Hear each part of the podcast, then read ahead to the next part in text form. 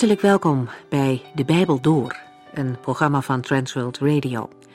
De Bijbel Door is een radioserie die u in vijf jaar meeneemt door de hele Bijbel. Van Genesis 1 tot Openbaring 22.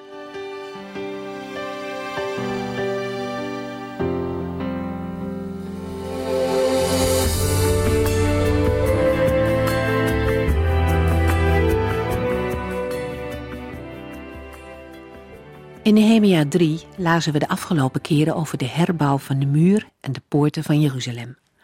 Overal vandaan kwamen mensen om mee te helpen de stad van God weer bewoonbaar te maken. In zo'n twee maanden tijd werd er een geweldige hoeveelheid werk verzet.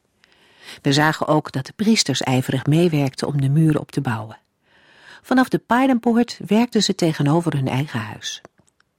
We maakten ook een uitstapje en naar aanleiding van de paardenpoort hebben we nagedacht over de rol van paarden in de Bijbel.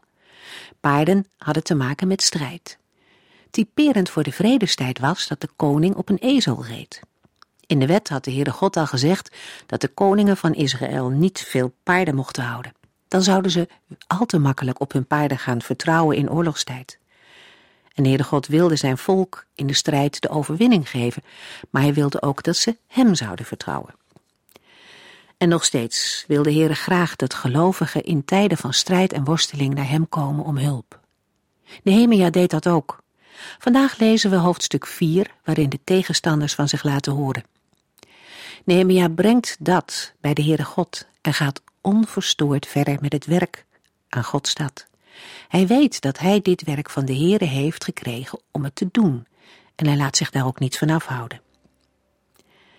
Verder hebben we de vorige keer de Oostpoort al genoemd, de buitenste poort van de tempel. De Heer Jezus is op een ezelsveulen door deze poort gereden vlak voor de kruisiging. De Oostpoort werd later dichtgemetseld, maar zal op een dag opengaan om de koning van alle koningen door te laten. Ezekiel heeft daarover geprofeteerd. En daar zullen we over een tijdje ongetwijfeld meer over horen. Maar vandaag gaan we verder met Nehemia en de tegenstand waar hij mee te maken krijgt. Hoofdstuk 4.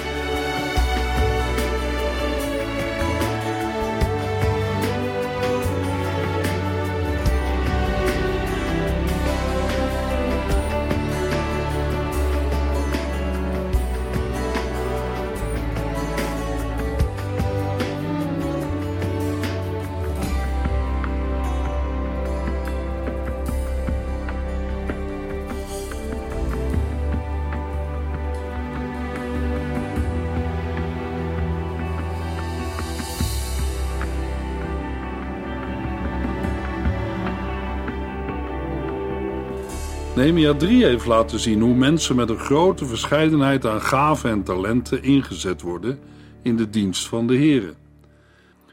Nehemia delegeerde allerlei taken en de mensen waren bereid om voor hen niet dagelijkse taken op zich te nemen, ter wille van het grote doel.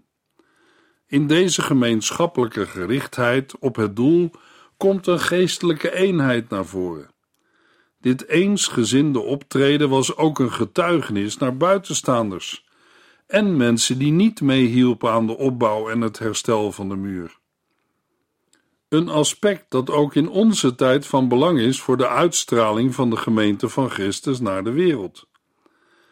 Na de beschrijving van de verdeling van het werk aan de muur, waarin ook de laatste fase van het herstel van de poorten al genoemd is, keren we in Nehemia 4 terug in de tijd naar een beschrijving van het bouwproces, waarbij Nehemia, net als in de eerste twee hoofdstukken, zijn persoonlijke ervaringen meedeelt. In Nehemia 4 wordt duidelijk dat de herbouw van de muur vordert, maar ook dat de tegenstand groter en heftiger wordt. Als de vijanden merken dat hun bespottingen en het uitlachen van Nehemia en zijn mensen niet het gewenste effect heeft, wordt de vijandschap grimmiger en neemt het aantal vijanden toe. Nehemia 4 vers 1 Samballat werd vreselijk kwaad toen hij hoorde dat wij de muur aan het herbouwen waren. Ja, razend was hij. Hij dreef de spot met ons en lachte ons uit, waar zijn vrienden en het Samaritaanse leger bij waren. Aan het slot van Nehemia 2 hebben we gelezen over de spot en hoon van Samballat en Tobia. Wat gaan jullie doen? Tegen de koning in opstand komen? Na het moedige antwoord van Nehemia, de God van de hemel zal ons helpen, zien we nu in Nehemia 4 dat de tegenstanders zich niet neerleggen bij de herbouw van de stadsmuur. Samballat grijpt in woede opnieuw naar het wapen van spot en hoon en spreekt zijn eigen mensen en leger toe. De bedoelde vrienden van Samballat kunnen mederegeerders zijn, zoals Tobia en Gesem, maar het kan ook ruimer worden opgevat als bondgenoten. Het Samaritaanse leger heeft betrekking op landstroepen ter verdediging van Samaria. Door het aanspreken van het leger komt de mogelijkheid van geweld al naar voren. Het uitlachen had de herbouw niet tot stilstand gebracht. Nu proberen de vijanden de Judeërs belachelijk te maken. Nehemia 4 vers 2 Samballat roept, Wat denken die Judeërs wel dat ze aan het doen zijn? Zij kunnen er niets van, zei hij spottend. Denken ze dat dit karwei in één dag is geklaard? Dat ze daar offers kunnen brengen? Kijk eens, zelfs die oude stenen uit het puin proberen zij opnieuw te gebruiken. In de Hebreeuwse grondtekst zijn de woorden van Samballat weergegeven in vijf retorische vragen. Namelijk, wat doen die machteloze Joden? Zal men hen laten begaan? Zullen ze offeren? Zullen zij het werk vandaag afkrijgen? Zullen zij de verbrande stenen uit de puinhopen weer tot leven wekken?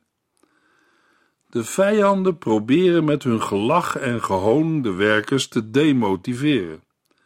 Dit krijgen jullie toch nooit voor elkaar? Denken jullie werkelijk dat jullie God komt helpen en brengen jullie hem daarom offers?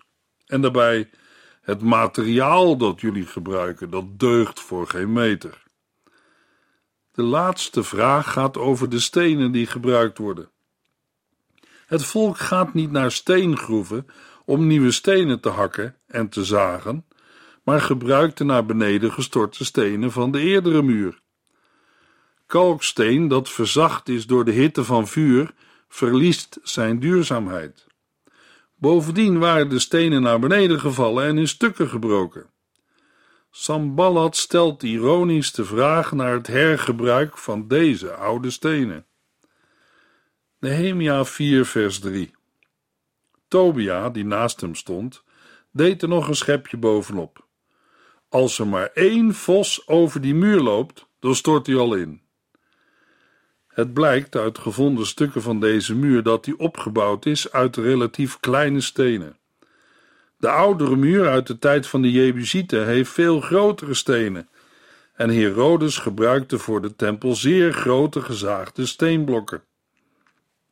Wat dat betreft zit er een element van waarheid in de spot, die op zich sterk overdreven is.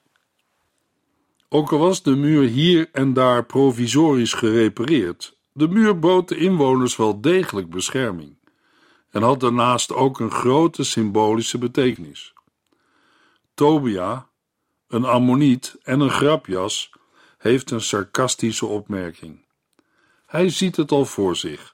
De gerepareerde muur is zo kwetsbaar dat als er maar één vos over die muur loopt, hij al instort. Een vos is een lichtvoetig dier en laat geen diepe sporen achter. Wat Tobia zegt is dat de muur zo zwak is dat hij zelfs onder het gewicht van een vos zal instorten. Zijn sarcastische opmerking zegt ook iets over het vakmanschap van de bouwers. In zijn sarcasme klinkt door: het zijn ook maar goudsmeden, pillendraaiers en vrouwen. Dat kan toch ook nooit een stevige muur opleveren? Natuurlijk hebben zijn woorden de hardwerkende bouwers aan de muur geraakt. Ze ontmoedigen. En wat gaat Nehemia nu doen? Hij zoekt steun en hulp bij de Heere. Nehemia 4 vers 4 en 5 Toen bad hij, O God, hoor toch hoe wij worden uitgelachen. Laat hun spot op hun eigen hoofd terechtkomen. Laat hen gevangen worden weggevoerd naar een vreemd land Vergeef hun zonde niet, maar onthoud wat ze hebben misdaan, want zij maken u bespottelijk door ons, die de muur herbouwen, te bespotten. In deze omstandigheden richt Nehemia zich tot de Heere. Hij vraagt of de smaad mag terugkeren op het hoofd van de spotters, en dat zij als ballingen zullen worden weggevoerd. Nehemia is een man van gebed en hanteert het wapen van het gebed tegenover het wapen van spot en hoon. Want de smaad van de vijanden betreft niet alleen het volk, maar ook de God van het volk, omdat de Israëlieten de opdracht van de Heer uitvoeren. In het kader van het Oude Testament ligt het niet voor de hand om te bidden voor de bekering van de vijanden. Het is waar dat buitenlanders zich kunnen voegen bij Israël. Maar in confrontaties tussen Gods volk en de heidenen wordt gewoonlijk gebeden om de vernietiging van de tegenstander. Nehemia's gebed is dan ook meer godsdienstig dan nationalistisch gemotiveerd.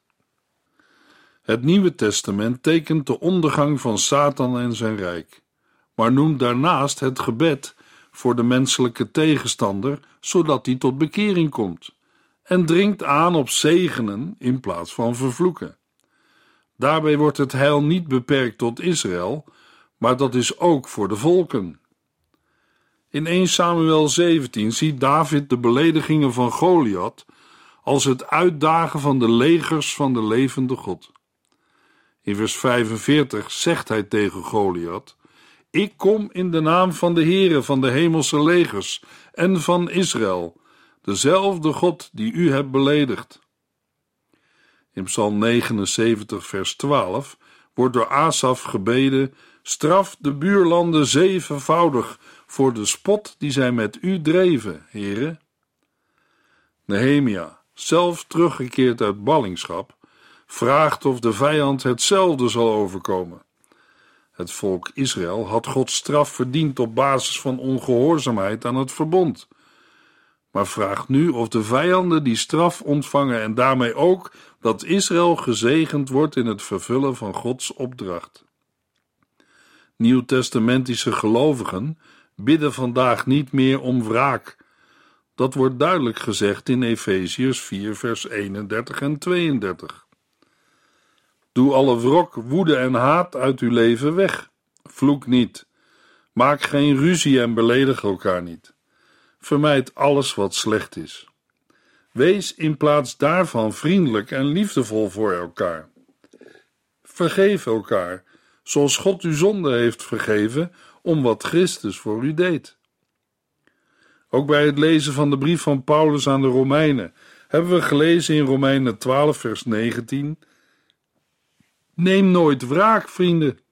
Laat dat maar aan God over, want Hij heeft gezegd: Mij komt de wraak toe. Ik bepaal de straf voor alle zonden. Aan de andere kant kunnen we ook uit de Bijbel opmaken dat er tijden zijn dat een terechtwijzing nodig is. Zo weten we van Paulus dat hij aan de Corinthiërs moest zeggen dat ze met verkeerde dingen bezig waren. Aan zijn medewerker Timotheus schrijft hij in 2 Timotheus 4, vers 2: Wijs de mensen in de gemeente terecht en bestraf hen als het nodig is. Moedig hen aan en onderwijs hun geduldig in het woord van God. Helaas is deze bestraffing in sommige kerken en gemeenten ver te zoeken. Er is geen tucht die de bedoeling heeft om in liefde terug te roepen tot de Heere. Ook christenen mogen het woord van de Heere niet aanpassen aan hun eigen stijl van leven, maar hun stijl van leven moeten zij aanpassen aan het woord van God. Zijn normen, waarden en bevelen zijn doorslaggevend en niet hoe wij erover denken of dat we het vandaag anders zien omdat het niet strookt met onze wetenschappelijke inzichten. Ook de Heere, een God van liefde en geduld, vindt niet alles wat wij mensen doen goed. Veel mensen vinden dat God er voor hen moet zijn zij menen dat zij aan hun schepper allerlei eisen kunnen stellen, hem allerlei verwijten kunnen maken, omdat het niet zo goed gaat in hun leven. Maar dan draait u de zaken om. Het schepsel is er tot eer van zijn of haar schepper. Mensen hebben van de Heere opdracht en verantwoordelijkheid gekregen voor zijn schepping. Vooral het Bijbelboek Job geeft wijze lessen door op dit gebied. In Job 42 geeft Job antwoord aan de Heere. Ik weet dat u alles kunt en dat niemand u kan tegenhouden. U vraagt wie het is die op zo'n onzinnige manier over uw besluiten sprak. Ik ben het. Ik praatte over dingen waarvan ik niets weet en die ik niet begreep, dingen die veel te ver boven mijn begrip uitgaan. Job kon de vragen van de Heere niet beantwoorden. Toen hij dat werkelijk besefte, moest hij zeggen: Ik wallig van mezelf en uit berouw verneder ik mij in stof en as. Tegen een van de vrienden van Job, Elifas, moet de Heere zeggen: Ik ben toornig op u en uw twee vrienden, want u had geen gelijk met wat u over mij zei. Job had het wel bij het rechte eind. Het past een mens niet om tegenover zijn schepper een grote mond te hebben of dingen over God te zeggen die niet waar zijn. Luisteraar, is dat wat wij over God denken en zeggen in overeenstemming met wat de Heere zelf van zichzelf heeft gezegd? Heeft u het samen met Job bij het rechte eind? Het is ook mogelijk dat op grond van het woord van God uw gedachten over de Heere moeten veranderen en dat u geen gelijk hebt met wat u over hem zegt. Als Nehemia in de taal van het Oude Testament heeft gevraagd of de Heere alle verzet wil breken en ook heeft gevraagd of de bouw voortgang mag hebben, gaat de geschiedenis verder. Nehemia 4 vers 6 Uiteindelijk was de muur klaar, tot de helft van zijn oorspronkelijke hoogte. Er was heel hard aan gewerkt. Vers 6 laat blijken dat het gebed van Nehemia in ieder geval in dit opzicht is verhoord. Dat de herbouw van de muur is doorgegaan en de muur zelfs tot halve hoogte wordt hersteld. De werkers hebben zich niet door de tegenstanders laten intimideren. Er was heel hard gewerkt. Opvallend dat er staat: de muur was klaar tot de helft van zijn oorspronkelijke hoogte. De hele muur was voor de helft klaar, en niet de halve muur was klaar. In het laatste geval zou er dan nog zeker een halve muur zijn geweest waar niets was gebeurd. Nee, de muur was klaar tot de helft van zijn oorspronkelijke hoogte. Dat was ook het bericht wat de tegenstanders bereikte. Nehemia 4 vers 7 Samballat, Tobia, de Arabieren, Ammonieten en Asdodieten hoorden dat het herstel van Jeruzalems muren vorderde en de bressen zich begonnen te sluiten. Samballat vertegenwoordigt de Samaritanen in het noorden. Tobia en de Ammonieten bevinden zich ten oosten van Jeruzalem. Gezem en de Arabieren in het zuiden.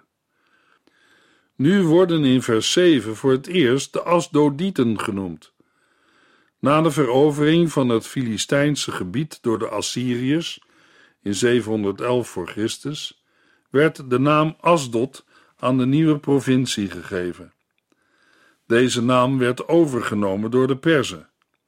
Met de term Asdodieten worden dan ook de Filistijnen in het westen bedoeld. Hiermee is Juda aan alle kanten geïsoleerd, ook afgesneden van de karavanenroutes en van de Middellandse Zee. Maar ondanks dat lezen we: het herstel van Jeruzalems muren vorderde en de bressen begonnen zich te sluiten. Toch werd de tegenstand heftiger. Nehemia 4, vers 8 en 9. Hierdoor raakten zij buiten zichzelf van woede. Zij smeden een samenzwering en waren van plan Jeruzalem aan te vallen en paniek te zaaien. Maar wij baden tot onze God en wegens het dreigende gevaar lieten zij de muren dag en nacht bewaken. Opnieuw zien we dat Nehemia een man van gebed is. Maar hij is niet naïef en laat wegens het dreigende gevaar de muren dag en nacht bewaken. Vandaag zouden wij zeggen de reactie van Nehemia en de zijne is ora et labora, bid en werk. Nehemia 4, vers 10. Enkele leiders zeiden: Onze werklieden zijn aan het eind van hun krachten. Het is onbegonnen werk al dat puin alleen te verwijderen. In vers 10 komen er dan ook interne problemen. De moedeloosheid slaat toe. Een punt om niet zomaar overheen te stappen. In heel veel projecten in Gods koninkrijk komt vroeg of laat een punt waarop de moedeloosheid toeslaat. Hoe ik dat weet? Toen het werk begon in Nehemia 2 vers 18, hadden de mannen die zijn gaan helpen gezegd: Goed, wij zullen u helpen de muur te herbouwen. Vol ijver gingen ze aan de slag. En nu, in Nehemia 4 vers 10, zeggen enkele leiders: Het is onbegonnen werk, al dat puin. Maar wanneer zou er nu meer puin hebben gelegen? Toen ze begonnen of op dit moment nu de hele muur voor de helft klaar is? Rekening houdend met het feit dat ze bij de herstelwerkzaamheden de oude stenen hebben gebruikt, kan het niet anders dan dat er aan het begin meer puin heeft gelegen dan nu. Vermoeidheid en teleurstelling maken zich meester van de bouwers. De inzet van bewaking dag en nacht kost veel kracht. Men moet veel puin ruimen dat naar beneden is gevallen. Mogelijk viel het aantal geschikte stenen ook tegen. Hun klacht gaat niet over de tegenstanders, maar over het feit dat Nehemia de taak heeft overschat. Nehemia 4, vers 11 en 12. Ondertussen hadden onze vijanden het plan ons onverwacht te overvallen en te vermoorden, om zo het werk te verhinderen. Maar telkens kwamen er Judeërs die tussen onze vijanden woonden, bij ons en zij waarschuwden ons wel tien keer voor wat zij tegen ons van plan waren. De vijand probeert voordeel te halen uit de interne situatie. Ze beramen een verrassingsaanval. Wat gaat Nehemia hier tegen ondernemen? Nehemia 4, vers 13. Daarom plaatste ik wachtposten uit elke familie op het laagst gelegen gedeelte van het terrein achter de muur. Deze mannen waren bewapend met zwaarden, speren en bogen. Nehemia stelt wachtposten aan met de opdracht de eigen familie te verdedigen. Nehemia 4, vers 14. Nadat ik de hele situatie in ogenschouw had genomen, zei ik tegen de leiders van het volk: Wees niet bang. Denk aan de Heere, die groot en ontzagwekkend is. Vecht voor uw volk, uw vrouw en kinderen en uw huis. Nehemia herinnert aan Gods grote daden in het verleden en daarmee aan de oorlogen die zijn gevoerd. Tevens moeten ze goed beseffen welke belangen er op het spel staan: de positie en toekomst van hun familieleden. De opsomming gaat uit van het stambewustzijn en niet alleen van de betrokkenheid bij het eigen gezin. Nehemia 4, vers 15. Onze vijanden hoorden dat wij op de hoogte waren van hun samenzwering en begrepen dat God hun plan had verijdeld. Nu konden wij allemaal weer aan de slag gaan. Iedereen ging weer terug naar zijn eigen werk. De vijand ontdekt dat zij de bouwers aan de muur niet konden verrassen. De Heere had hun plan verijdeld. Nehemia 4 vers 16 en 17 Vanaf dat ogenblik werkte de ene helft, terwijl de andere helft, gewapend met speren, schilden, bogen en panzers, de wacht hield. De leiders stonden als één man achter hen, die het werk uitvoerden. De sjouwers deden hun werk met één hand en hielden met de andere een werpspies vast. Vanaf die dag doet de ene helft van de werkers van Nehemia het werk en de andere helft draagt wapens, rekening houdend met een overval. De stenen dragers die zich buiten de stadsmuur moeten wagen, doen met de ene hand het werk en met de andere hand houden zij een speer vast. Uitgaande van metselwerk namen veel oudere uitleggers aan dat een troffel nodig was. Dit heeft geleid tot de uitdrukking troffel en zwaard, een titel van een tijdschrift aan het begin van de 20e eeuw en een naam voor allerlei christelijke verenigingen. In de tijd van Herodes werden muren gebouwd zonder cement. De stenen werden als grote blokken gezaagd, omdat voor het productieproces van cement veel kalksteen verbrand moest worden en het brandhout te zeldzaam was. Gezien de manier van bouwen door de inwoners van Jeruzalem is het aannemelijk dat de relatief kleine en ronde stenen aan elkaar werden gevoegd door cement, maar het is onduidelijk met welk gereedschap dat gebeurde. Nehemia 4, vers 18 tot en met 23. De bouwlieden hadden tijdens het bouwen steeds een zwaard aan hun heup hangen. En de hoornblazer bleef voortdurend bij mij om zo nodig alarm te blazen. Het werkterrein is zo uitgestrekt en we zijn zo ver van elkaar bezig, zei ik tegen de leiders van het volk, dat u zodra u alarm hoort blazen, snel naar mij toe moet komen. Onze God zal zelf voor ons strijden.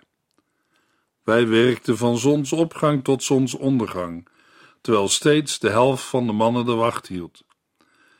Ik beval dat alle mensen met hun dienaren in Jeruzalem moesten overnachten. Dan konden de dienaren s'nachts wacht lopen en overdag werken. Al die tijd kwamen we niet uit de kleren. Ik niet en mijn broeders, mijn dienaren en de wachters die bij me waren ook niet.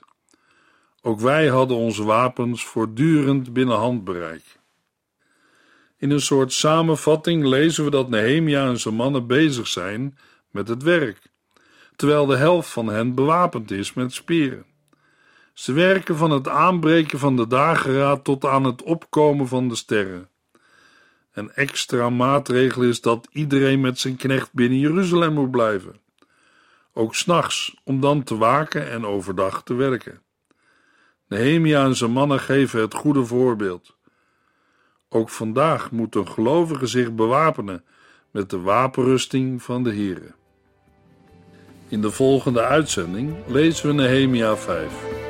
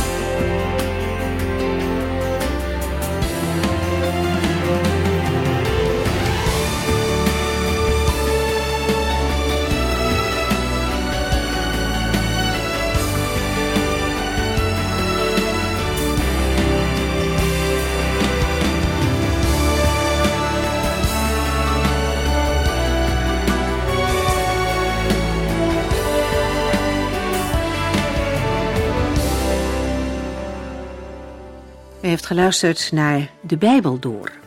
In het Nederlands vertaald en bewerkt door Transworld Radio. Een programma waarin we in vijf jaar tijd de hele Bijbel doorgaan. Als u wilt reageren op deze uitzending of u heeft vragen, dan kunt u contact met ons opnemen. Tijdens kantooruren kunt u bellen op 0342 47 8432. 0342 47 8432. 32.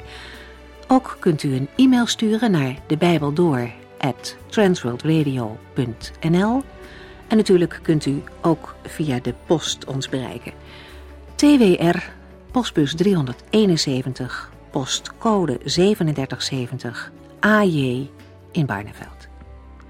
Dit programma werd gepresenteerd door Cor Weda en Ike André. Techniek was in handen van Odin van Woerdekom. En wij allemaal bedanken u voor het luisteren. Graag tot de volgende keer.